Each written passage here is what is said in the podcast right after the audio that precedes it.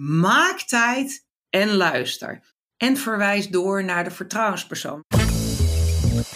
Mijn naam is Charlotte van der Molbaken. Ik ben coach en trainer van teams bij vraagstukken op het gebied van communicatie, gedrag en leiderschap. En je luistert naar de HR-podcast. Dit is de HR-podcast van CHRO, HR-praktijk en HR Academy over leiderschap en innovatie in HR. Welkom bij aflevering 79 van de HR-podcast over innovatie en leiderschap in HR. Ik ben Ruud Kouwmans. En ik ben Twan Al. En vandaag bespreken we een onderwerp die niet meer uit de actualiteit weg te denken valt. Nieuwsberichten over grensoverschrijdend gedrag buitelen over elkaar heen en weinig sectoren blijven bespaard. In het oog springen natuurlijk de tv-wereld, de politiek, de politie en de sportwereld. Maar ook minder in publiciteit staande organisaties kampen met meldingen van grensoverschrijdend gedrag. HR speelt een essentiële rol in het voorkomen van en het reageren op grensoverschrijdend gedrag. Daarom besteden we in deze aflevering aandacht aan de culturele kant van grensoverschrijdend gedrag. Want hoe stimuleer je als HR-professional een veilige werkcultuur?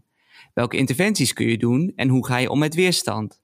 En hoe herken je en reageer je op zorgwekkende signalen? De HR Academy geeft een masterclass over dit onderwerp, waarbij zowel de arbeidsrechtelijke als de mensgerichte kant uitgebreid aan bod komen. Een van de docenten is Charlotte van den Walbaken. Ze coacht teams en is specialist bij vraagstukken op het gebied van interpersoonlijke communicatie, gedrag en samenwerken. Welkom in de podcast, Charlotte. Hi, welkom. Ja, Charlotte. Mm, we hebben het nu al een paar keer gehad over grensoverschrijdend gedrag. En het wordt ook heel vaak genoemd in de media. Maar wat is het nou precies? Ja, grensoverschrijdend gedrag, dat, dat, dat is lastig te, te vatten. Het, en het is ook niet zwart-wit. Want dat wat jij thuis doet, dat is daar niet grensoverschrijdend. En dat wat je in mm werksituaties doet, kan wel grensoverschrijdend uh, zijn. Dus als je bijvoorbeeld de definitie die Movisie uh, in opdracht van het ministerie van Volksgezondheid, Welzijn en Sport hanteert, dan heb je het grensoverschrijdend gedrag. Daar doelen we dan op de omgangsvormen die de persoon ondergaat als gedwongen of, of ongewenst door hem worden ervaren. En in het bijzonder wanneer er sprake is van een bedreigende, vijandige, beledigende of sociaal onveilige of kwetsende uh, situatie. Ja, dus hoe degene die het grensoverschrijdend gedrag als zodanig ervaart, hoe, hoe die dat ervaart, dat is eigenlijk het uitgangspunt. Ja. ja, dus dat kan, heel, dat kan heel verschillend zijn dus. Dat kan heel, heel verschillend uh, zijn. Hè? En, en, en samengevat, hè, wanneer dus iemand wordt benaderd op een manier die over zijn of haar grens gaat. Ja, precies. Ja. En in ieders grenzen die liggen elders. En dat maakt het zo ingewikkeld. Ja. En is dit gedrag nou iets van alle tijden of is het alleen iets wat we de laatste tijd veel zien? Ik denk dat het de laatste tijd veel meer in de publiciteit is gekomen. En je noemde het net al in je inleiding, hè, de incidenten die in de sportwereld en in de televisiewereld naar buiten zijn gekomen. Maar daarvoor was natuurlijk ook al de hele MeToo-beweging was er op, uh, op gang. Mm -hmm. En, en, en we, zitten, we leven nu in een maatschappij waar de ene verandering over de volgende buitelt. Dus het gaat allemaal ontzettend snel. En um, ook dit gaat ontzettend snel. Dus ik denk door dat er meer dingen naar buiten zijn gekomen, dat dat ook mensen uitnodigt om zelf naar buiten te treden over dingen die zij als ongewenst hebben ervaren. Dat ik hoop ook dat het mensen uitnodigt om naar een eigen handelend optreden uh, te kijken.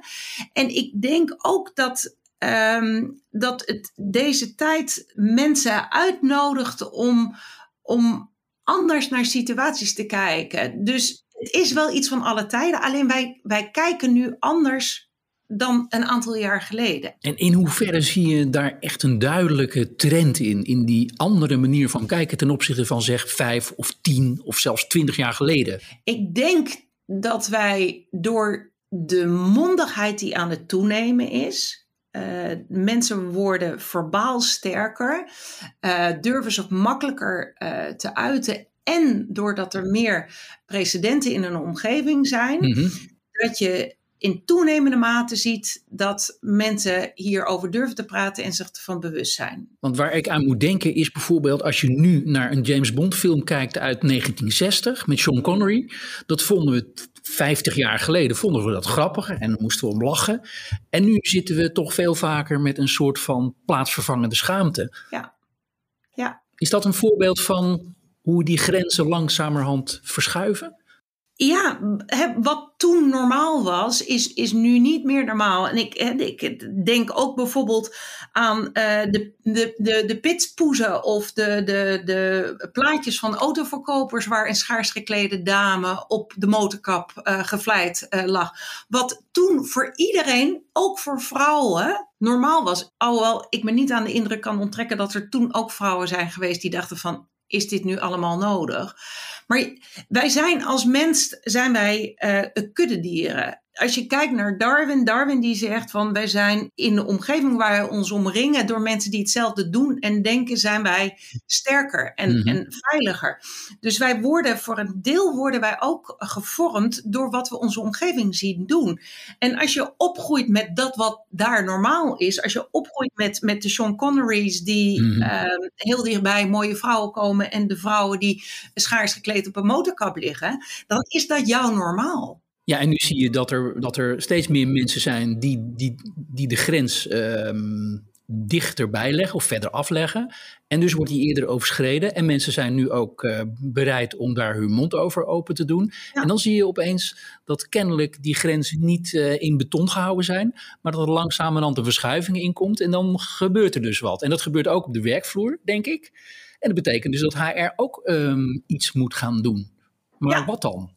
Naar mijn idee ligt hier een cruciale rol voor HR en die ligt op meerdere uh, fronten. Uh, ligt die. En um, die heeft natuurlijk te maken met, met het, het, maken van beleid en zorgen dat er goede protocollen uh, zijn.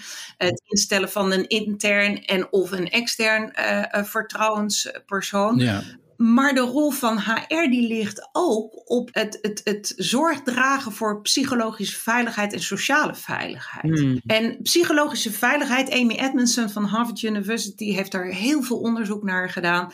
En, en, en psychologische veiligheid is Um, ik mag er zijn, ik doe ertoe, ik mag wat vinden, ik, ik mag iemand aanspreken. Um, ik mag een fout maken. Ik hoef het niet overal mee eens uh, te zijn. Mhm. En op het moment dat er psychologische veiligheid is, dan spreken mensen zich sneller uit bij grensoverschrijdend gedrag. En op het moment dat mensen zich sneller uitspreken, dan zullen ook mensen minder snel grensoverschrijdend gedrag uh, vertonen. Dus dat is die psychologische veiligheid. En daarnaast heb je de sociale veiligheid. En, en dat is meer het, het overkoepelende um, gevoel, waarbij mensen zich beschermd voelen mm uh, tegen gevaar dat wordt veroorzaakt of, of dat dreigend is in een openbare ruimte. En, en dus terug naar jouw vraag. HR heeft op een aantal fronten en onder andere ook op psychologische en sociale veiligheid wat te doen. En dus dan is het voornamelijk het voorkomen van grensoverschrijdend gedrag daarin dan heel belangrijk. Maar ik ben toch wel benieuwd, hoe doe je dat nou? En is een organisatie zonder grensoverschrijdend gedrag eigenlijk wel denkbaar? Bestaat dat wel? Ik zou er geen vergif op durven in te nemen, omdat een ieders grenzen weer op een andere uh, plek uh, liggen. En we blijven in een maatschappij leven waar, waar er in een hoog tempo veel veranderingen over elkaar heen buitelen. Maar ik denk op het moment dat je nu investeert in een goede cultuur uh, en niet een psychologische schijnveiligheid. Oh jongens, we mhm. hebben het gezellig, we kunnen lachen met elkaar, we gaan met elkaar uit eten. Maar echt de diepte in durft te gaan, dat daar uh, de ruimte ontstaat dat mensen zich uit durven te spreken, maar ook dat er de ruimte ontstaat dat mensen naar hun eigen handelend optreden durven te kijken. Hmm. Dan denk ik dat je een heel e-, eind op weg bent. Maar ik denk nooit dat je het helemaal zal kunnen voorkomen. Nee. En hoe bouw je aan zo'n cultuur, Charlotte? Ik denk dat het, uh, het, het begint bij het draagvlak creëren bij de directie van mogen we hier tijd uh, en energie in uh, gaan steken. Nou, ik kan me niet aan de indruk onttrekken dat de directies nu ook op de hoogte zijn van uh, hoe de maatschappij zich op dit moment op dit onderwerp aan het ontwikkelen is. Maar je moet daar draagvlak voor krijgen. Ehm, en dat klinkt een beetje droog, maar dan moet je goed beleid maken. Van wat wil ik nou bereiken? Uh, wat is er voor nodig? En een van de dingen die je te doen hebt, is het outilleren van leidinggevenden. Dat je leidinggevenden in staat stelt dat zij de signalen kunnen herkennen. Dat die je leidinggevenden in staat stelt om in gesprek te gaan wanneer zij grensoverschrijdend gedrag vermoeden. Ja. Maar het, wat je ook te doen hebt, is het outilleren van de werknemer. Van speak up. John de Mol die zei in zijn interview van ik begrijp er helemaal niks van. We hadden allemaal hele duidelijke loketten. Als mensen zich onveilig voelen, hadden ze naar zo'n loket gekund. Ja, kennelijk voelden ze zich dus niet veilig. Ja. Je hebt het over de signalen die je kunt herkennen. Wat voor signalen zijn dat dan? Je hebt um, op het moment dat er grensoverschrijdend gedrag wordt vertoond ten opzichte van bijvoorbeeld mij, dan roept dat een stressreactie bij mij op. Ja. En ieder reageert op een andere manier op stress. En laat ik even vooropstellen, stress is een hele gezonde uh, reactie die ons helpt ook om te overleven. Op het moment dat er echter te veel stress is, bijvoorbeeld bij een heel intimiderende situatie. En dat kan bijvoorbeeld pesten zijn, dat kan buitensluiten zijn, maar het kan ook seksuele intimidatie zijn. Dan staat die, die, die, die, die meter van stress die slaat zo heftig uit dat je in een ongezonde copingsysteem uh, terechtkomt van het dealen daarmee. Ja. En het zou mooi zijn als je al in dat vroegtijdige stadium bij mij zou kunnen zien maar meestal is dat niet zo en zie je het pas wat later. En jullie kennen ongetwijfeld de freeze, fight en flight reacties. Zeker. freeze is het verstijven, de flight is het vluchten en de fight is het vechten. Wat je bij grensoverschrijdend gedrag veel ziet, is dat mensen echt in die freeze, in die verstijving zitten. Ja. Uh, Walter Brand of Cannon, die hebben er nog eentje aan toegevoegd. Die zeggen er is ook een fawn-reactie. En de fawn-reactie, dat is het please-gedrag. Dat is het verbergen of het vleien. En dat maakt het heel erg complex. Op het moment dat iemand het gaat verbergen vanuit gêne, of vanuit een bepaalde onderdanige reactie, omdat een leidinggevende dit, eh, dit doet, dan is het ongelooflijk ingewikkeld om dat te zien. En dat zie je natuurlijk heel vaak in een, in een machtsverhouding tussen ja, mensen. Dus wat is er belangrijk? Dat je de mensen laat zien wat wel oké is en wat niet oké is. Uh, wat ook belangrijk is dat je daarmee dus een cultuur creëert waar je regelmatig met elkaar in dialoog uh, gaat. En dat je mensen uitnodigt om, uh, om daarover te spreken en misschien zelfs hen daar ook actief op bevraagt. Hè, hoe ervaar jij het nu, jouw samenwerking en uh, de, de tijd van het tweejaarlijks functioneringsgesprek en het jaarlijks beoordelingsgesprek is ook passé. Hè, dat, dat, dat, mhm. blijkt ook hoe organisaties daar nu mee omgaan. Dit is nu veel meer de tijd van de continue dialoog. Dus hoe mooi is het dat je als HR de leidinggevende outilleert, maar ook zelf daar een rol in pakt om ook hierover in gesprek uh, te gaan. Ja. En wat is de rol van zo'n vertrouwenspersoon daarin, zowel intern als extern? Ja, de rol van een vertrouwenspersoon die, die is um, het, opvangen van uh, de, degene die het, uh, het meldt, daarnaar luisteren, um, eventueel doorverwijzen naar professionele hulpverleners. Um, hè, want een vertrouwenspersoon die kan, als er sprake is van trauma, dat zelf, en die mag dat ook niet, uh, niet doen, gaan oplossen, maar die kan wel luisteren en, uh, en doorverwijzen. Maar de rol van een vertrouwenspersoon is bijvoorbeeld ook het signaleren en het analyseren van de voorvallen. En op basis daarvan, uiteraard met volledige anonimiteit, het, het, het management of de directie adviseren van, dit is wat ik zie en dit is wat ik jullie adviseer om als organisatie uh, te gaan, gaan doen. Daarnaast is het ook de rol van een vertrouwenspersoon om binnen de organisatie te informeren van hé hey jongens, ik ben er, jullie kunnen in dit soort situaties uh, bij mij uh, terecht. Dat klinkt allemaal als onderdeel van een beleid op dit gebied, hè, met een plan van aanpak. Lijkt me toch redelijk noodzakelijk. Maar hoe kom je nou tot zo'n beleid? Nou, Laat ik vooropstellen, er is niet één gouden regel voor het neerzetten van het goede beleid. Dus het is niet zo dat er één standaard beleid is. Ieder beleid in iedere organisatie zal, het klinkt een beetje obligaat, maar zal maatwerk moeten, moeten zijn. En uh, mijn collega Petra Kroon, uh, die de arbeidsrechtelijke aspecten van grensoverschrijdend gedrag samen met mij uh, in de training doet, maar waarbij zij op haar onderdeel focust, die geeft daar ook concrete handvatten voor van hoe pak je dat nou aan? Hoe zet je dat nou op? Um, en vervolgens zal ik in de training uh, mensen meenemen. Hoe creëer je daar nou draagvlak voor? En hoe voer je dat uit? En als je dan uh, kijkt naar uh, wat je allemaal kunt doen. je kunt dus heel veel doen. Ehm, maar goed, het kan dus toch gebeuren dat er opeens toch een zorgwekkend signaal van uh, of over grensoverschrijdend gedrag bij de HR-afdeling uh, terechtkomt. Wat zijn dan de acties die je moet ondernemen bij zo'n signaal? Direct erop inspelen. Direct in gesprek gaan met uh, de persoon die de melding komt maken en dat ook heel serieus nemen. En um, dat is soms nog best wel lastig, uh, omdat er misschien andere prioriteiten zijn, of omdat een persoon daar zelf wat doekjes omheen windelt, mm -hmm. wendt. Um, omdat er bijvoorbeeld sprake is van, van, van schaamte. Maar maak tijd en luister. En verwijs door naar de vertrouwenspersoon. Want het is niet jouw rol als HR om daar um, verder die diepte op, uh, op in uh, te gaan. Het lijkt me goed dat je dit ook een aantal keren oefent. Net als een oefening om uh, wat je moet doen als er brandalarm is. Ja. Want ik kan me voorstellen dat je, je bent in je, in je ding, je komt net uit een meeting of iets dergelijks en je krijgt zo'n melding.